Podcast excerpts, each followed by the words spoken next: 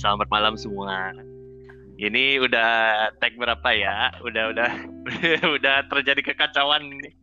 Uh, jadi ini for the first time, for the first time, Birit melakukan uh, podcast di sini. Jadi Birit itu terdiri dari tiga orang. Biasa ini merupakan grup kongkau, grup main ya teman-teman main lah. Di sini ada gua Vicky, ada Ilham sama Mega. Malam. Malam. Uh, dis disclaimer ya, disclaimer. Jadi semua yang kita bahas, semua yang kita ucapkan itu pasti ada kesalahan dan ini pure murni uh, subjektif dari apa yang kita pikirin, uh, apa yang uh, sorry, maksudnya opini-opini yang bakal kita keluarin itu ya murni punya kita sendiri gitu. Adapun campuran dari opini-opini orang lain itu mungkin karena kita sedang membandingkan opini kita dengan orang lain ataupun ingin memperkuat opini kita gitu. Uh, misalkan banyak yang menyimpang dari fakta, mohon dimaklumkan karena ini memang ya kita ngobrol sehari-hari kayak gini kayak gitu. Uh, kita hari ini ngapain? Oke, kita gini aja. Kita sekarang bahas mengenai new normal. New normal kan lagi digalang sama pemerintah. Jadi semenjak ya. ada PSBB, ya kan? PSBB keluar, akhirnya keluarlah uh, format baru yaitu new normal. Yang katanya, yang katanya pemerintah membuat new normal ini untuk uh, menggantikan program PSBB dan uh, pemerintah juga ingin memberi apa ya harapan baru pada masyarakat uh, bahwasannya uh, corona itu bisa dilawan. Corona itu uh, penyakit yang uh, menyeramkan tapi tapi masih bisa ditangani gitu. Sehingga uh, new normal ini kan tercipta supaya kehidupan masyarakat kembali menjadi normal. Ya kan Cuman nih uh, apa namanya uh, new normal itu berjalan kalau nggak salah ya tadi saya baca sekitar dua bulan dari mulai 1 Juni sampai akhir Juli kalau nggak salah. Nah menurut kalian tuh gimana ya? Sok mangga Ilham. Jadi ini yang namanya new normal ya. Kalau menurut pandangan gue sih itu kan yang apa yang tadi Vicky bilang ya new normal adalah pengganti dari yang namanya PSBB pembatasan sosial berskala besar. Cuman begini Pak yang jadi pro kontranya dengan new normal ini kalaupun iya nih saya ngomongin tentang ini dulu deh tentang pandeminya sekarang nih. Tentang klasternya nih. Ini klaster ini di Indonesia yang tadinya di Jakarta itu jadi puncak nomor satunya pandemi sekarang pindah nih. Pindah wilayah di Jawa Timur tepatnya di Surabaya. Nah di Surabaya ini masih banyak banget yang jadi klaster setelah Jakarta. Malahan Surabaya yang jadi tertinggi di Indonesia nih. Misalkan kalau iya new normal diterapkan atau mungkin secepatnya diterapkan di sini ya di Indonesia. Kalau menurut saya sih nggak nggak akan bisa secepat itu, Pak. Soalnya kalau saya telaah lagi, kalaupun ya itu berkurang klasternya itu dari, dari tiap wilayah itu ya harusnya sih new normal bakal cepat ditanganin cepat dilaksanain apabila grafik uh, dari apa dari klaster ini udah berkurang mbak. Cuman masalahnya masih banyak gitu loh. Jadi mau new normal tapi grafiknya masih banyak.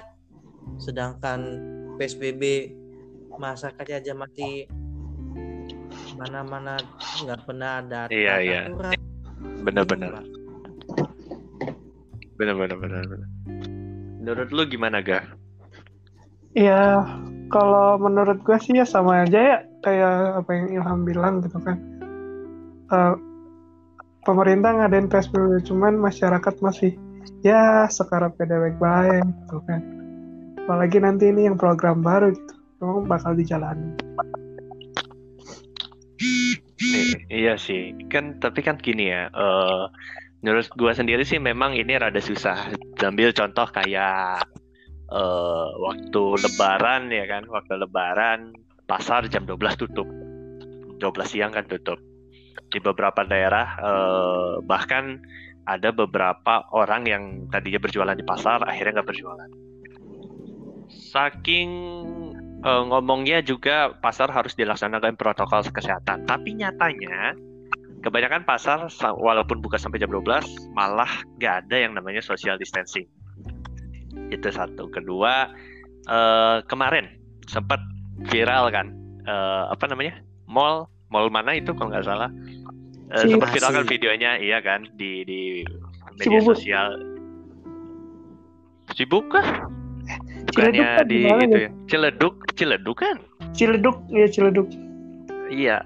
Uh, itu kan sempat viral. Itu nyatanya masyarakat memang pada dasarnya tidak bisa melupakan adat gitu. Adat adat apa sih? Ya adat beli baju baru. Intinya adat beli baju baru. Karena momen kemarin kan uh, bertepatan dengan Idul Fitri dan adat dari orang Indonesia kalau uh, baju baru eh sorry hari raya Idul Fitri ya kita harus pakai baju baru gitu. itu udah kayak apa ya adat sama tatanan sosial kita gitu. Loh uh, tapi kalau memang new normal jalan gue sih khawatirnya satu satu hal aja. Serangan gelombang kedua sama virus corona sih.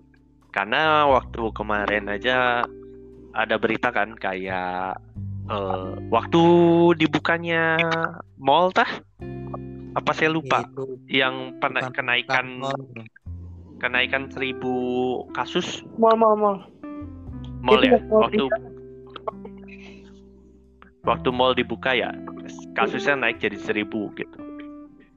Bahkan saat ada yang belanja tiba-tiba kasirnya ke detektif sama positif. Aneh aja gitu. Misalkan uh, orang tuh langsung pada panik kan gitu. Langsung pada nyari tes apa segala macam bahkan di salah satu daerah yang kemarin kita apa namanya yang saya cari tahu gitu di media sosial eh, rata-rata yang habis dari itu mereka tes itu hasilnya positif. Dan itu kata gue sih gawat. Gawat banget. Apalagi sekarang new normal ya. New normal keluar gitu kan banyak sih pro pro, uh, pro kontranya. Di antaranya yang pro kan bilang ini sebagai apa ya jalan tengah untuk uh, kata Pak Jokowi kan berdamai dengan corona ya kan? Berdamai uh, berdamai dengan corona ya kan? Di sisi lain banyak yang kayak uh, akhirnya bisa bekerja. Lowongan kerja mulai kebuka loh lowongan kerja mulai pada buka loh kalau lihat di info locker kayak gitu. Itu mereka mulai berani buka untuk lowongan kerja sih kata gue ini ini per, salah satu pronya ya. Tapi kontranya yang gue khawatirin itu kayak serangan kedua gitu serangan gelombang kedua. Eh uh, ya tahu kan kita kita semua tahulah kita semua tahulah uh, grafiknya kayak gimana Indonesia. Itu nah ini gua gua potong dikit. Ini kalau ikut waktu tadi gua lihat di salah satu di salah satu platform media itu katanya kalau misalkan masyarakat atau pemerintahnya itu nggak sinkron gitu ya buat nanganin COVID-19 begini itu bisa jadi. Ya jangan sampai sih itu gelombang duanya itu emang bisa di akhir tahun. Gitu. Kalau misalkan kita kita nggak tertib nih itu setelah itu udah pasti lama pak. Itu udah pasti susah.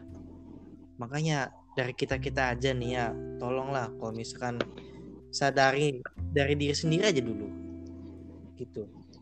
Ini pasti bakal cepet-cepetnya hilang pak entah dari masyarakatnya atau dari kalangan atasnya atau dari masyarakat pemerintah segala macam please lah. Ya tertib. Taatin pemerintah. Udah capek ya? Di rumah aja udah capek. No lab aja. Capek nonton anime bae bisa ya? Udah jadi ibu kita udah, udah udah bingung anjir. Udah bingung. Gue jujur gue juga udah bingung mau ngapain bener. Udah terkatung-katung di rumah pak. Masya allah. Ya, eh, sama intinya mah ya, harus apa sih? Nyadar sih sadar diri aja. Hashtag sadar diri lah. Tapi pak itu tahu kan yang yang yang di ini yang di mana? Yang di salah satu eh di Ad- bukan di Kalimantan apa Sulawesi kalau nggak salah. Jadi gini ada satu orang yang laporin bahwasannya masjid itu ngelakuin ngelakuin taraweh. Yang abis itu rumahnya diamuk masa tuh. itu keterlaluan sih pak. Bener. Itu keterlaluan banget. Tahu nggak? Tahu nggak berita itu? Tahu tahu. Yang di pagar dihancurin. Iya iya. Itu keterlaluan banget sih. Menurut lu gimana? Seharusnya kan nggak kayak gitu juga kan? ya harusnya sih nggak itu juga lah apa ya ya ya mau gimana lagi lah orangnya wah kayak gitu harusnya jangan anarkis lah Iya i- iya sih bingung ya.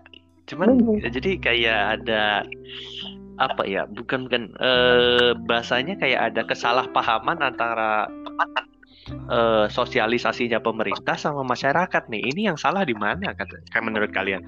Kalau kalau memang ma- pemerintah salah, mereka udah gembong-gembongin yang namanya eh, mereka udah ngeluarin duit banyak untuk melakukan sosialisasi tentunya, melakukan rapat apa segala macam ya kan.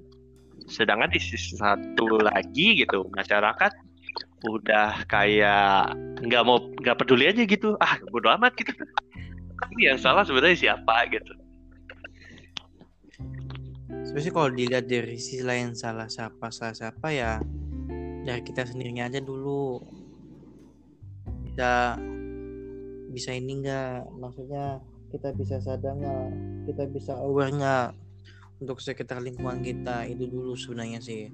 Cuman kalau saya lihat di luar di luar sana ya ya di lingkungan kita ini masih banyak banget pak yang nggak pakai APD alat pelindungan diri ya seminimal ya masker ataupun hand sanitizer ataupun ya ya segampang itu loh. Sekarang aja nih di di di jalan-jalan nih udah banyak banget yang namanya tempat cuci tangan tuh biar gampang biar masyarakat kita tuh lebih paham namanya sanitasi ataupun hygiene gitu loh. Masker lah minimal lah masker gitu loh. Orang susahnya apa sih pakai masker gitu kan? Kalaupun memang alasannya karena sesak napas it's okay lah. Cari bahan yang enak cari yang bahan nyaman. Kayak gitu aja gitu loh. Maksudnya apa susahnya pakai masker? Orang suruh pakai masker loh pakai masker pakai masker bukan pakai topeng gitu loh. Eh, sih gitu? gini gini.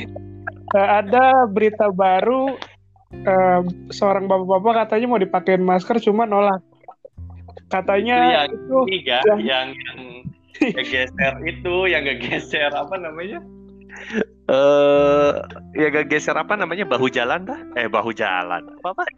ya Aku- aku ngeliatnya pas lagi di kantor polisi cuman kan ya kalau watak orang kayak gitu mau dipakein masker nggak mau ya mau gimana ham sok Enggak, jadi gini. nah itu Ini kalau menurut saya ya, ini tuh udah aduh eh bentar. Ini tuh udah udah udah masalah kayak eh apa namanya? salah guru, salah salah guru agama ini mah. Kalau kata gua sih. Cuman menurut lu gimana? Ya, nih masalah apa ya? Eh, masalah ini, masalah apa namanya? Ya kan kayak kemarin gitu, dengan dengan dengan dengan eh, teriak-teriak gitu kan. Ngomong bahwasannya saya nggak saya nggak takut corona, saya cuma takut sama Allah. Iya bener, iya bener sih. Maksudnya iya saya cuma takut, cuman gini loh. eh eh, gimana kita caranya menerapkan Pancasila uh, sila pertama gitu. Ketuhanan yang Maha Esa di mana terlalu gimana ya? Terlalu berlebihan gitu. Maaf nih, maaf nih. Cuman uh, coy. Uh, sal di salah satu pengajian pun, di salah satu pengajian yang lagi saya ikutin, uh, bahkan Nabi Muhammad pun uh, pernah bilang kalau ada wabah ya kabur gitu. Bukannya dideketin atau gimana gitu. Kamu harus takut dan barang siapa yang berada di wilayah wabah itu ya kamu nggak boleh keluar. Kan uh, uh, Nabi Muhammad pun bilang kayak gitu gitu jadi kan ini ah. ada salah persepsi gitu kan di masyarakat bahwasanya kita tahu iya. ada dalang ternyata kan ada dalang di, di belakang, belakang semua ini kan gitu yang manas-manasin masyarakat iya. kan gitu iya betul jadi gini loh namanya kita namanya masyarakat ya hak namanya untuk beribadah kan namanya kita beribadah di mana pun tempatnya. Jikalau Tuhan masih ada di hati kalian. Jikalau Tuhan itu masih ada di hati kalian. Semua tempat tuh jadi tempat beribadah. Yang penting kita tahu gimana harus caranya. Kita menyelamatkan satu sisi lain dari keluarga atau dari masyarakat untuk berlindung dari suatu takdir ke tempat takdir yang lain begitu loh maksud saya tuh begitu. Itu pemain terakhir itu bapak-bapak. Ya jatuhnya sih jadi ternanya mentah-mentah pak. Jadi kita buka ini ah gimana juga. Bingung sih pak kalau udah ah kalau apa lah gitu. Ilham mulai mulai pusing. Ilham sudah mulai pusing saudara-saudara. Lambaikan tangan Ham, di situ ada kamera. anjir pusing anjir, sumpah gue tuh pas gimana harus diomongin sama orang gitu loh. Tolonglah itu namanya kepedulian kebersihan tuh. Iya justru justru justru ya orang kayak gua yang nggak bekerja gitu kan. Agak terasa gimana ya kita pun mau kerja susah gitu. Soalnya di uh, beberapa uh, tempat pekerjaan pun tidak membuka lowongan. Adapun membuka lowongan tetap aja harus melakukan seleksi yang kuat. Dan tesnya pun online gitu. Masalah jaringan di Indonesia wah gila pak. Wah belakangan ini jaringan down. Bahkan sempat sempat kemarin saya menggunakan salah satu platform kan media sosial Discord bisa dibilang Discord. Uh, itu sampai drop. Server Singapura sampai drop. Parah kan? Maksudnya orang gak efektif coy. Mau mau mau mau mau, mau ngelamar kerja juga eh, nggak uh, efektif. Sekarang uh, gini deh Mega gimana kesannya selama sekarang bekerja gitu. Nah iya nih Mega nih sebagai seorang hotelier gimana rasanya bekerja di saat libur. wabah kayak gini nih gitu. Efektif kah apa gimana kah iya. Contoh deh. Apa ya? Kalau untuk hotelier sih ya nggak efektif ya untuk kerja kayak gini. Cuman kan nama juga hotelier kita kan harus menjaga hotel walaupun itu ada tamu ataupun enggak gitu kan ya pemasukan pasti dikit lah. Terus apalagi kerjaan juga kan malah lebih dikit tapi jamnya lebih panjang. Kalau di dia di saya gitu. Udah kayak gitu. Terus juga kan uh, ada ya beberapa yang di PHK nggak di situ? Ada yang dirumahkan juga nggak? Ada uh, ya anak-anak BW di PHK eh di nggak dirumahkan dan satu ada yang nggak diperpanjang dari departemen. efek. Oh jadi jadi yang dirumahkan tuh cuma ini ya, apa yang daily work aja kali ya yang aja mm -hmm. kali ya. Betul. kan aduh kan maksudnya orang tuh ya sebenarnya masalah kebersihan itu sekarang udah bukan tanggung jawab pribadi ini udah tanggung jawab bersama. Soalnya kalau satu menularkan yang lain ketular yang rugi kan semua orang kan gitu ya hmm, cuman betul. kayak sebenarnya di sisi lain ini tuh dihantam sama teori-teori konspirasi yang kemarin kan. Uh, asal kalian tahu aja kalau ternyata bukan hanya Indonesia, tapi Amerika pun menganggap kalau COVID itu cuman konspirasi. Cuman konspirasi. Makanya uh, bahkan ada ada uh, beberapa media gitu menyebutkan bahwasannya Amerika telah kalah telah kalah dengan corona karena masyarakatnya tidak ikut himbauan dari uh, pemerintah gitu. Sempat ya, sempat ada beberapa media nggak tahu sekarang udah ditarik atau enggak.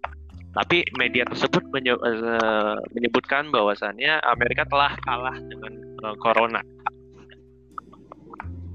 Ini parah loh. Jadi tinggal ini parah.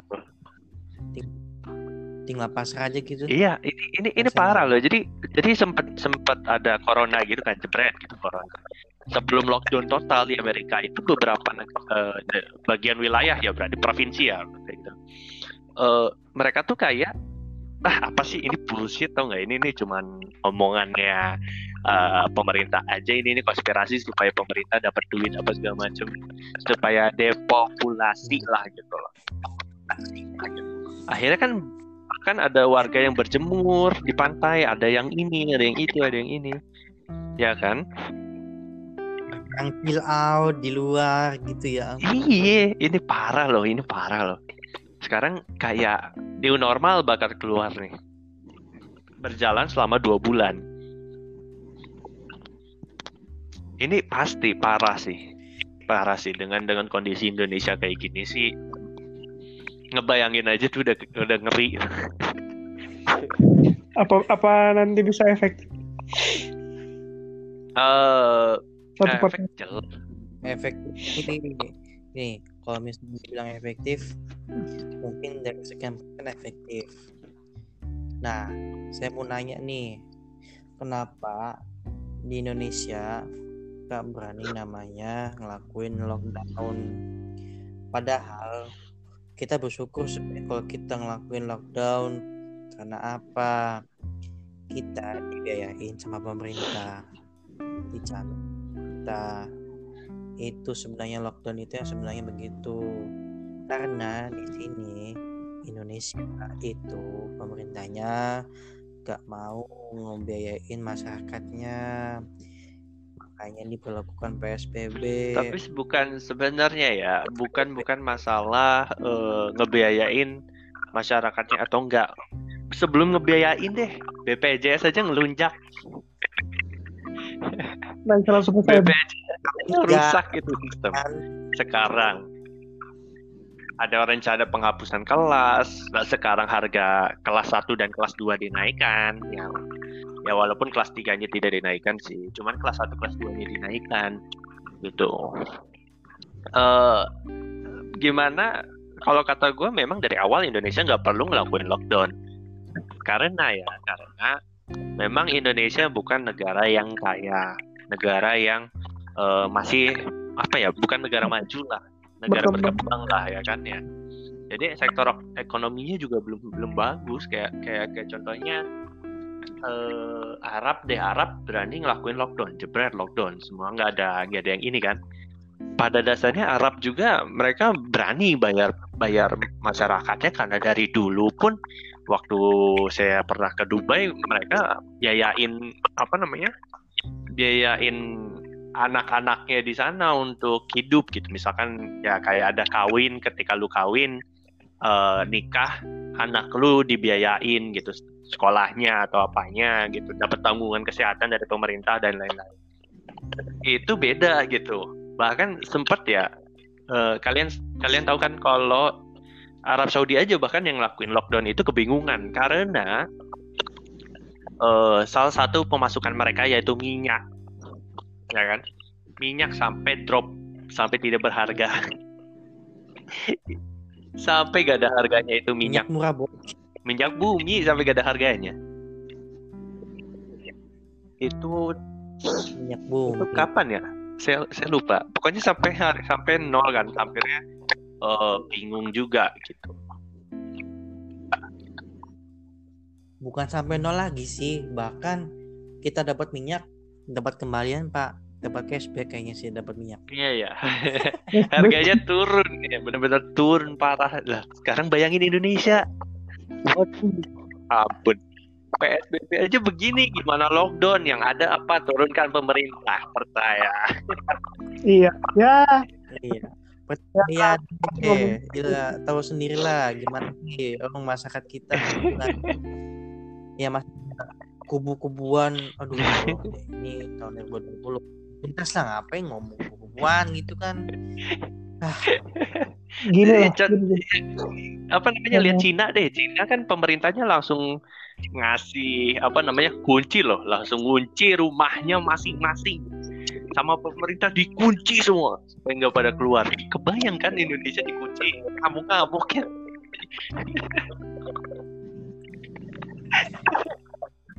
lebih baik ekonomi jalan pak. Ya sih. Gimana menurut lu? Hah? Gimana tadi?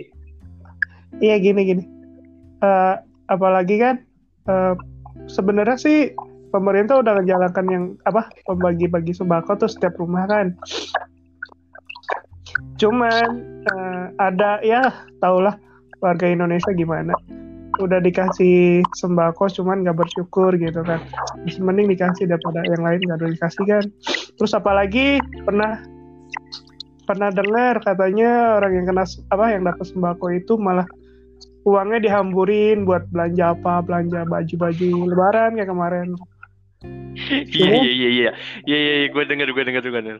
miris gak sih sama orang yang eh, nggak dapat sembako yang kekurangan makanan nah sedangkan orang yang dapat sembako itu malah menghamburkan duit buat cuma buat baju. Malah teman salah apa di grup eh, saya nih ya sampai ngirimin video ada yang satu keluarga meninggal gara-gara kelaparan. Gantung diri gara-gara itu. Satu keluarga parah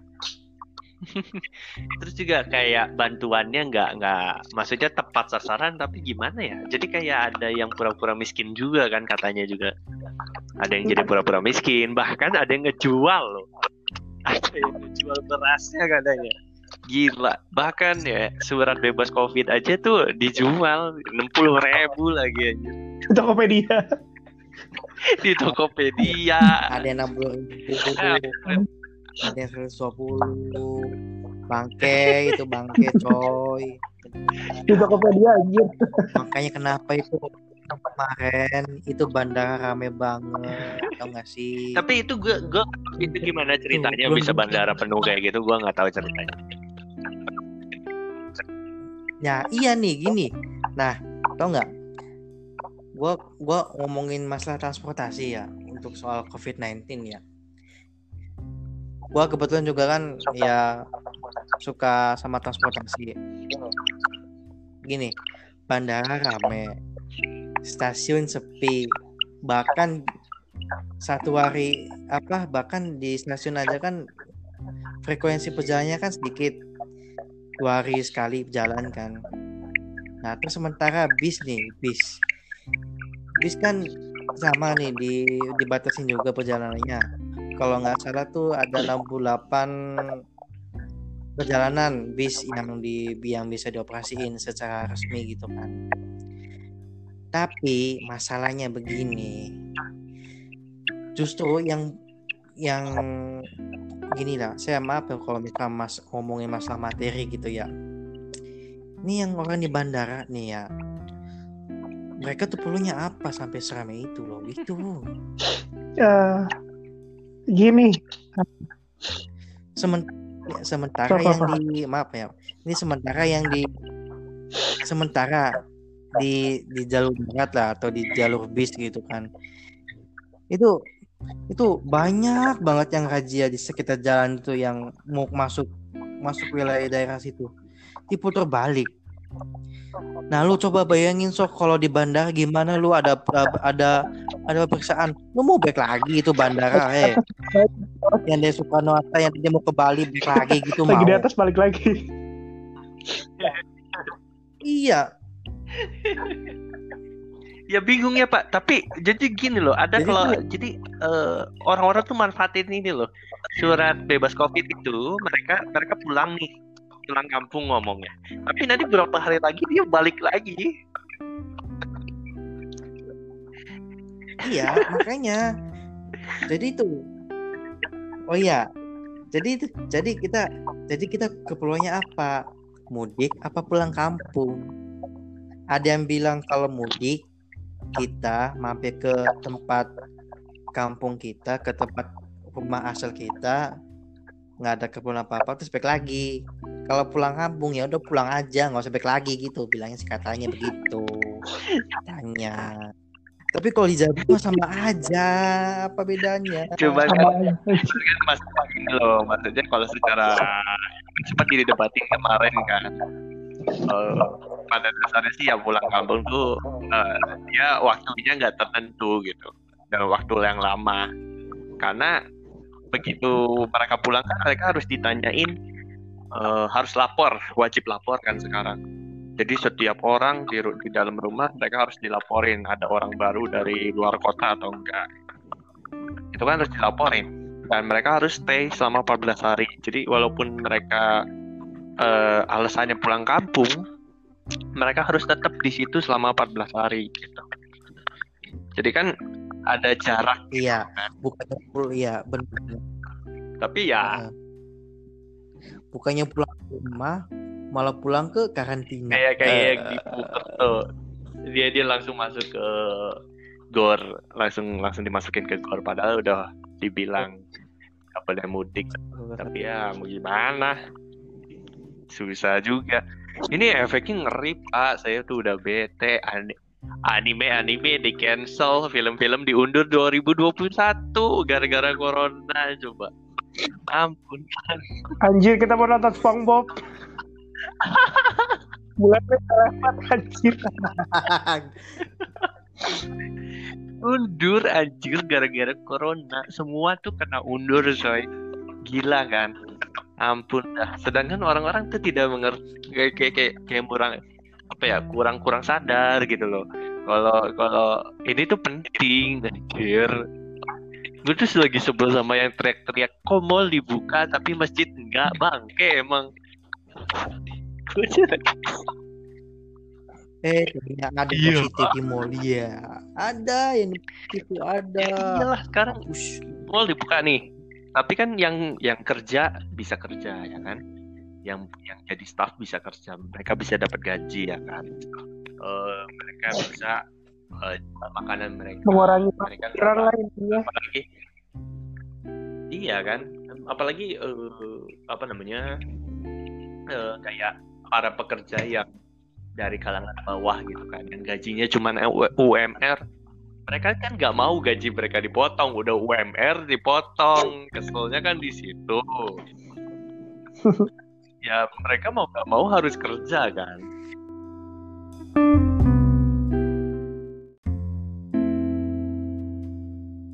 Eh, sekarang nih yang lagi heboh tuh new normal itu disamakan dengan teori konspirasi herd immunity tahu nggak Hmm. Jadi Oh, kalau iya. kalian belum tahu ya yang dengerin podcast ini, jadi herd immunity itu kayak eh battle royale lah. Lu lu lu lu, lu survive winner winner chicken dinner lah. Anjir PUBG tuh. Aja lah intinya. Jadi eh jadi semua dinormalin. Jadi teori ini gini. Yang bertahan, yang punya imun lebih kuat, dia yang menang. Jadi semuanya dibuka. Jadi yang positif gak dicegah gitu kan. Yang positif positif. Nggak nggak diisolasi, mereka dibiarin berjalan gitu aja. Mereka biasalah hidup normal gitu. Nanti kan bersentuhan lah, bersin ke orang yang sehat. Nah, nah, nah. itu yang dimaksud herd immunity gitu. Jadi eh, menyebarkan virus secara langsung nanti yang sehat, yang kuat dia yang menang gitu. Itu tuh maksudnya herd immunity kayak gitu. Bahkan banyak orang-orang yang suka teori konspirasi mereka menyandingkan gitu kan menyandingkan eh apa namanya herd immunity dengan new normal. Nah ini gimana nih? Jadi gini, herd immunity kalau misalkan gua ini gua ceritain lagi ya bukan totally herd immunity ya. Jadi kenapa adanya new normal itu maksudnya itu adalah kita ya kita jalan seperti biasa sembari itu nanti vaksin ditemuin. Nggak mungkin nggak mungkin banget sih kalau emang beneran terjadi herd immunity atau new normal atau apalah itulah yang namanya istilah-istilah itulah. Pokoknya kita tuh tetap pasti ada yang namanya nggak mungkin lah. virus itu tetap pasti ada. Selama Hmm. nah, selama vaksin itu belum ditemuin ya itu ya tetap aja ada itu virus tetap pasti ada Sam- itu maksudnya sambil nunggu nunggu vaksin yang memang udah benar-benar fix terus langsung disebarin ke masyarakat seluruh dunia itu sih menurut saya Iya sih, tapi kan masalahnya gini Pak, masyarakat itu lebih percaya dengan sesuatu yang tidak sesuai dengan fakta daripada sesuatu dengan yang fakta kan gitu. Ini banyak banget kayak kayak teori konspirasi Iya, ini itu. lagi nyerang bener-bener nyerang gitu loh. Eh contohnya kayak konspirasi mitik mythical global elite. Titik glory? Apa? Mythic glory. Elite global. Ya kan ini kayak konspirasi elit global ya gitulah gitu. Eh apa namanya? Eh, justru kan masyarakat lebih percaya yang seperti itu kan daripada kayak anjuran gini-gini. Ini yang salah tuh apakah eh, pemerintahnya mereka kurang memberikan sosialisasi dengan menarik apa mereka terkesan membosankan gitu. Apa dengan teori konspirasi itu lebih wah anjir bener juga ya kayak gitu tuh. Lebih lebih ngena lah. Bosan pak.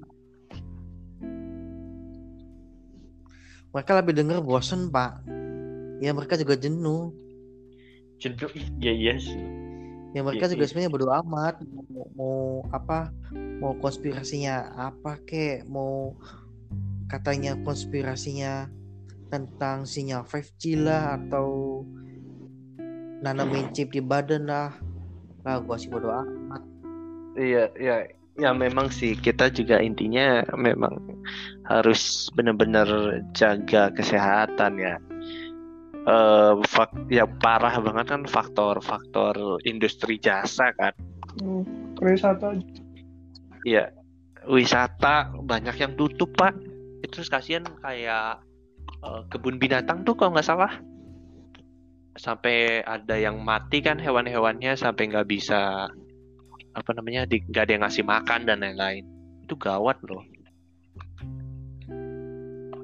ya itu emang ada kok di kebun binatang Solo kalau nggak salah gitu kan itu dari pihak kebun binatang itu nerima donasi nerima donasi untuk kita mau nyumbangin pada para hewan-hewan yang ada di situ supaya tetap ada keberlangsungan hidup Iya.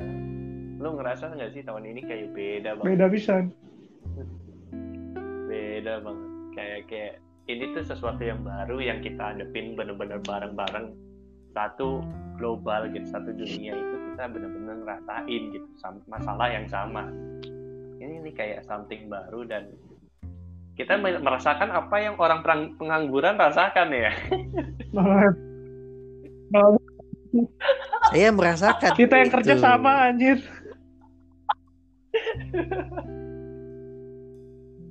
Anda yang kerja nggak apa-apa, Anda yang kerja dapat penghasilan. Bagaimana saya? Bundan belum kerja dapat cuma apa? Nah, sebu eh sebulan cuma 9 kali anjir. Serius? Wow. Berarti lu cuma kerja berapa jam? 12 jam per hari seminggu dua kali 12 jam per hari. Terus lu pakai baju eh bahasanya APD lengkap gitu apa pakai masker atau apa Oh, gitu? enggak sih bebas tapi pakai masker tetap lah soalnya kan kita emang ikutin Oh. anjuran pemerintah Iya, kalau nggak ditutup ya hotelnya. BUMN cuy Tapi dapat apa pak? Oh iya iya. Gini, ngomongin soal hotel ya. Di Cirebon ini katanya ada hotel yang bakal buka lagi tanggal ya tanggal apa gua juga kurang tahu. Bulan Juni tuh bakal dibuka lagi. Hotel Kapan itu lah? bakal dibuka lagi bulan Juni.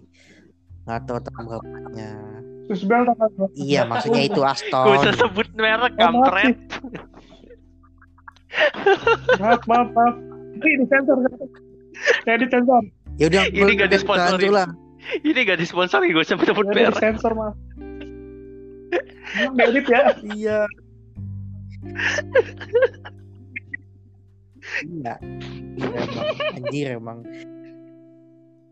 Tolong Aston sponsorin Tolong. kami kalau misalkan ada yang Dijamin. denger. Dijamin marketing Iya, langsung kalau- naik semua. Bondam ini aja kok nggak dapat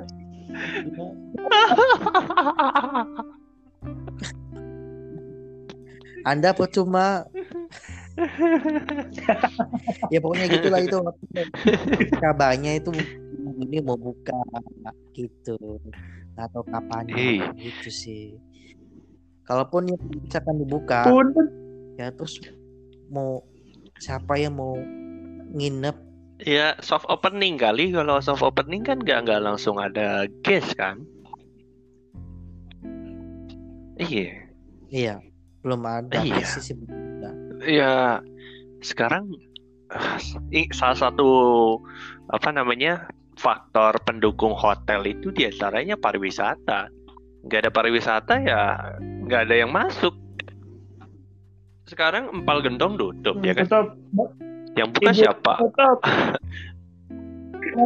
Aput tuh, Aput ini take away. Ayo Jamblang take away nggak ada juga. tutup sih Nggak ada. tutup ya. eh tidak tidak jablang dulu nggak masih buka ini. Salah. lu Apa? pada nyebutin ini oh iya. oh iya.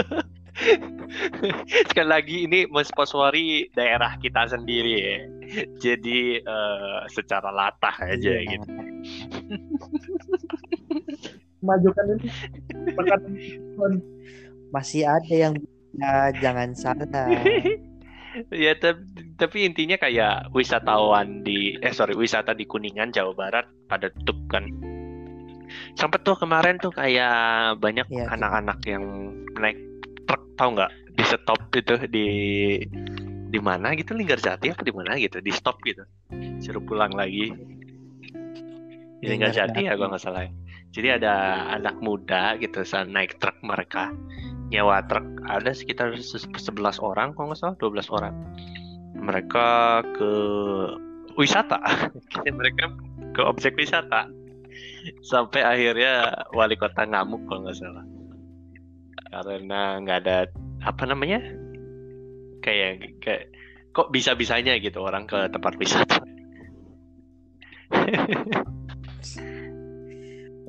gitu. Oh, lagi pandemi gini. Eh tolong.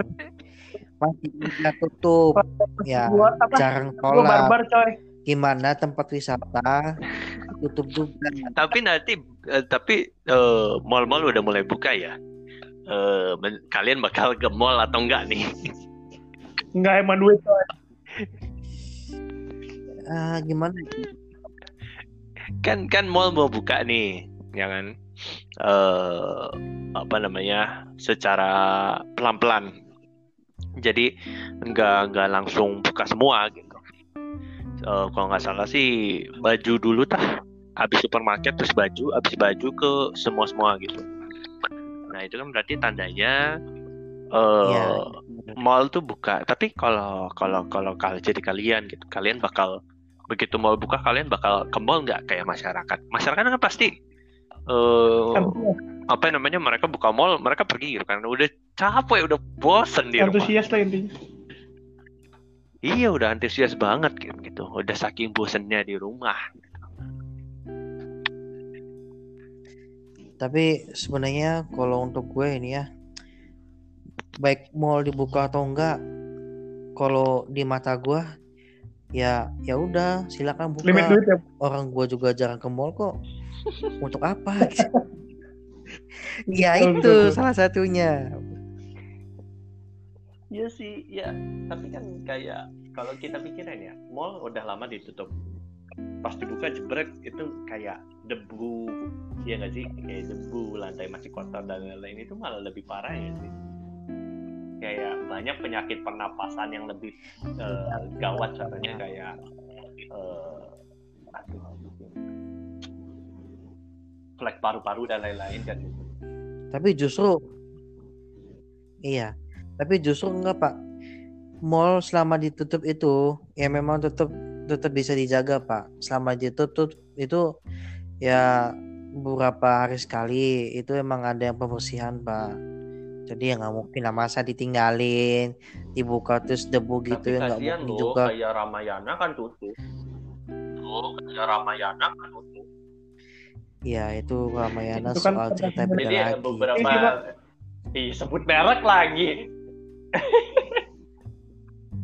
Jadi retail retail beberapa retail sampai tutup kan gara-gara corona ini. Padahal mereka sebelum ada corona mereka besar banget kan gitu.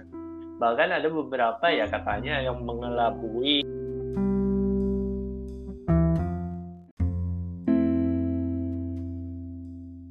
Polisi. Jadi mereka tahu nggak sih kalau mereka itu buka?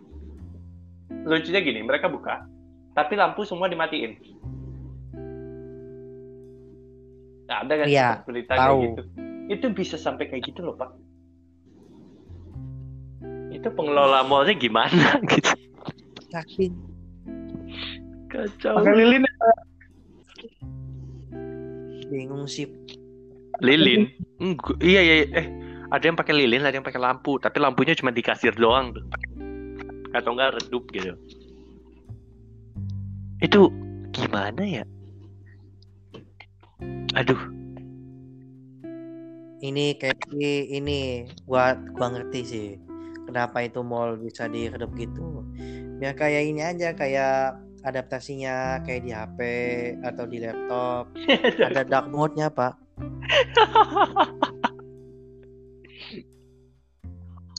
Jadi mode hemat daya Hemat gitu daya, kan, anjir. boros-boros amat maksudnya. Gitu. hebat daya dong anjir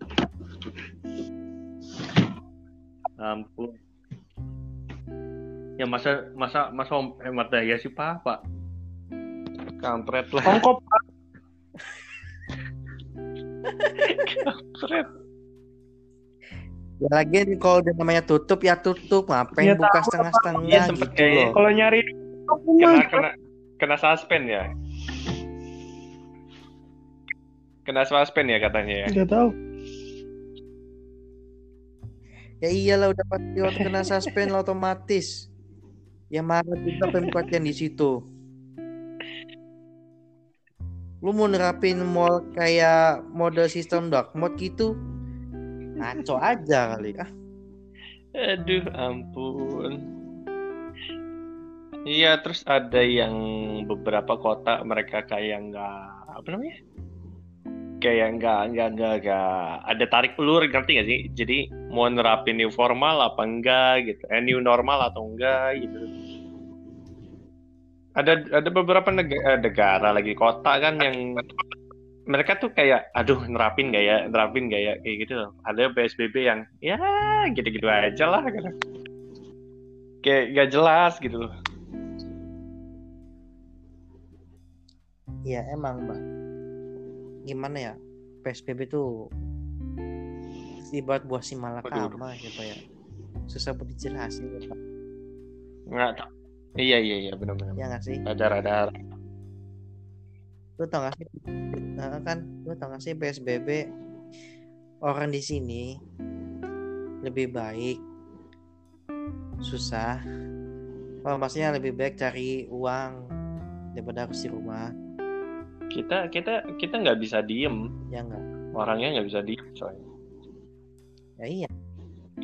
Iya. Nggak bisa diem juga kan rada bingung tuh. Ini beberapa kota pun ada yang nganggep PSBB nggak efektif dan mereka belum siap untuk melakukan new normal. Ini wow loh.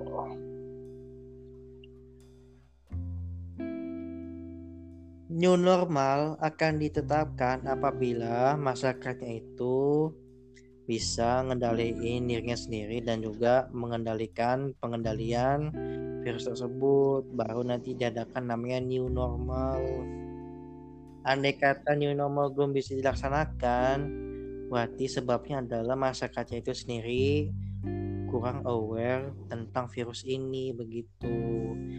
Tamu kapan jadinya tamu kapan selesainya new normal. Kalau misalkan kalau misalkan masyarakatnya masih bandel atau masih membangkang itu pasti bakal berjilid-jilid. Itu yang namanya PSBB nggak akan ada yang namanya new normal. Iya iya. Iya paham sih gimana ya gimana menurut lu kah gimana gimana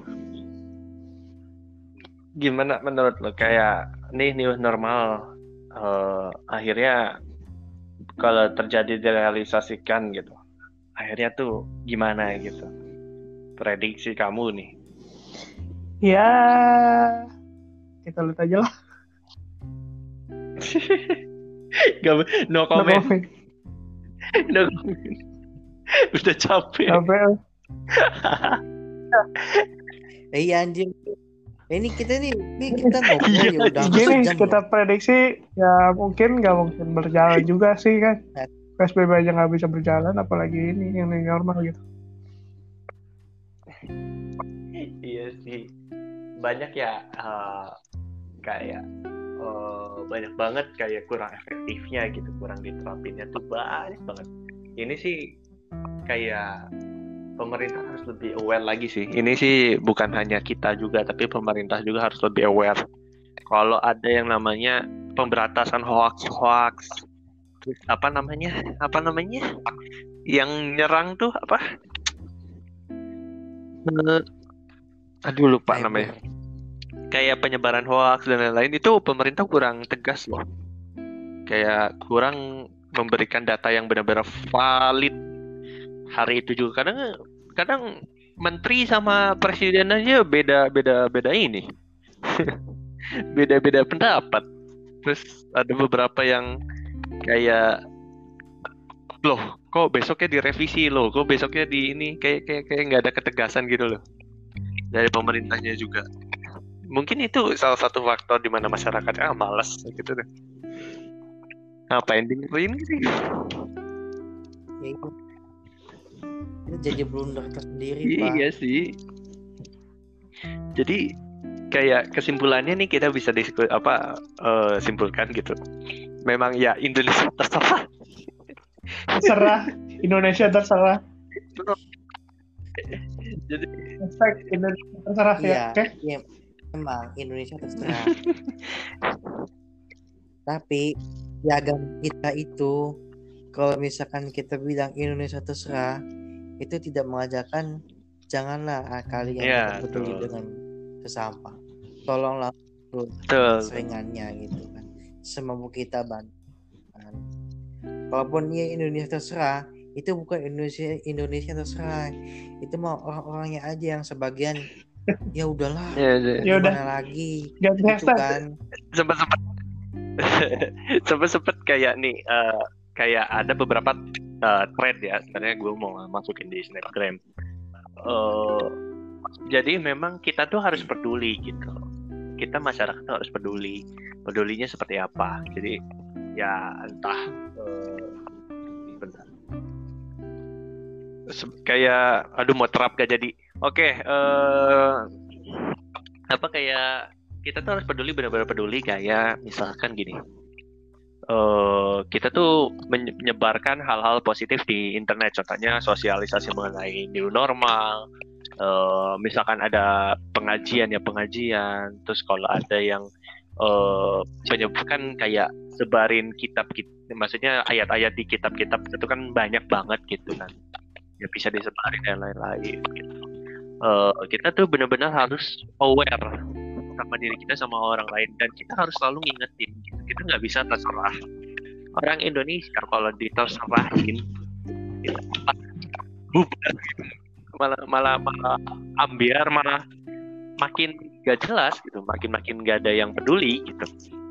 Jadi sekesel-keselnya apa pun sebenci-bencinya apa pun sama kita sejengkel-jengkelnya apa pun sama orang-orang Indonesia gitu kita tuh harus tetap yang namanya care gitu. Walaupun kita nggak didengerin walaupun kita nggak dihargain kita capek sendiri tapi tetap kita harus care gitu. Karena orang Indonesia benar-benar nggak bisa yang namanya dibiarin begitu aja.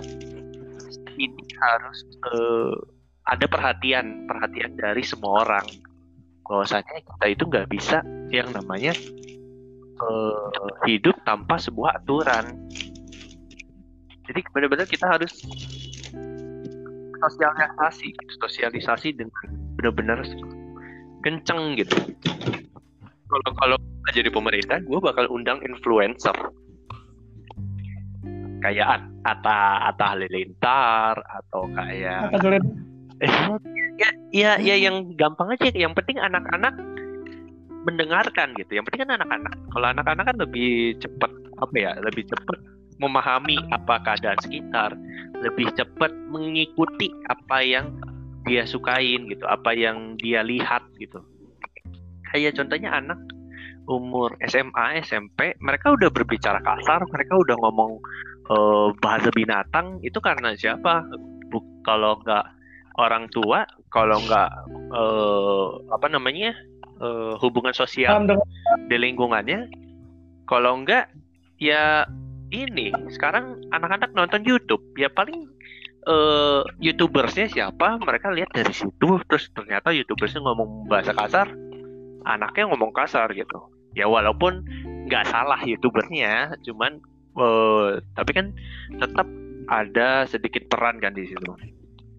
Jadi memang uh, iya. kalau gue jadi pemerintah gue bakal undang influencer gue undang artis gue bikin konser online di situ benar-benar full sosialisasi benar-benar sukarelawan dan kita tuh benar-benar enggak apa kita biayain gitu. Kita biayain influencer kita biayain artis-artis untuk sih uh, sosialisasi gitu.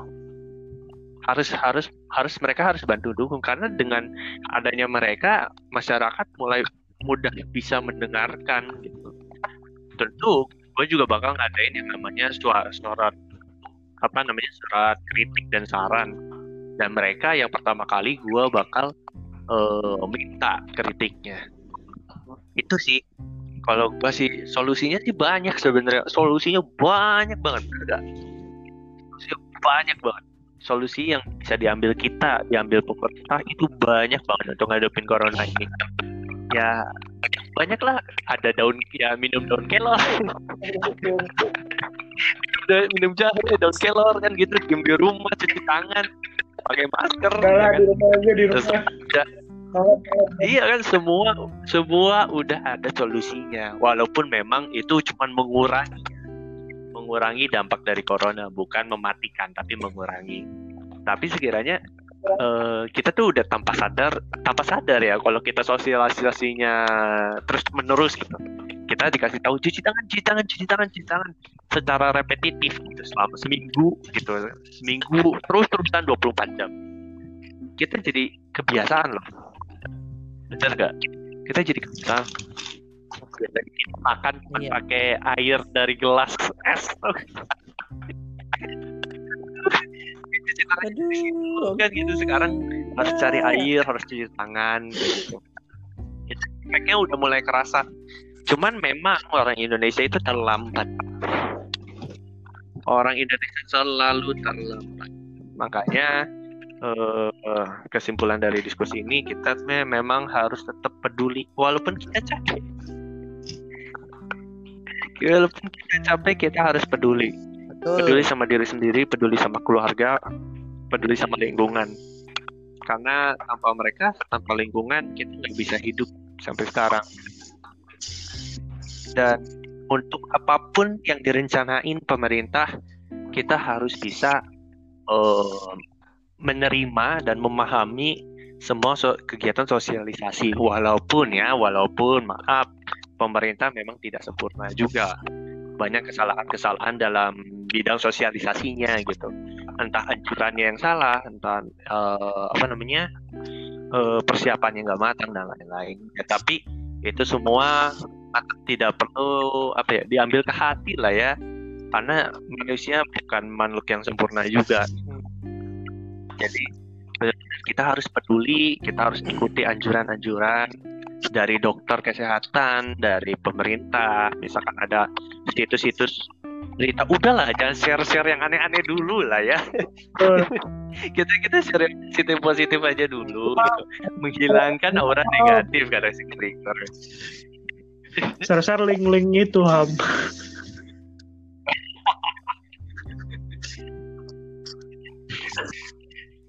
Eh jangan. Eh, Fiji apa kabar Fiji? Fiji, jangan, jangan sampai kayak Fiji ya. Dasar Hah? dasar manusia mulut ateis. jangan. Gak ada alak emang.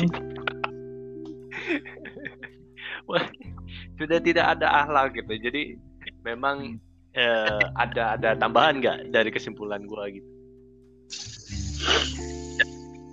Udah. Coba, Apa men? Udah nih. Ham ada tambahan gak Ham? ya.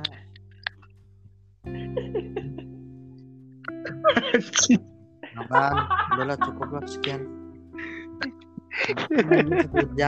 Oke, sekian untuk episode hari ini. Eh, terima kasih yang sudah mendengarkan. Eh, selamat malam. Salam.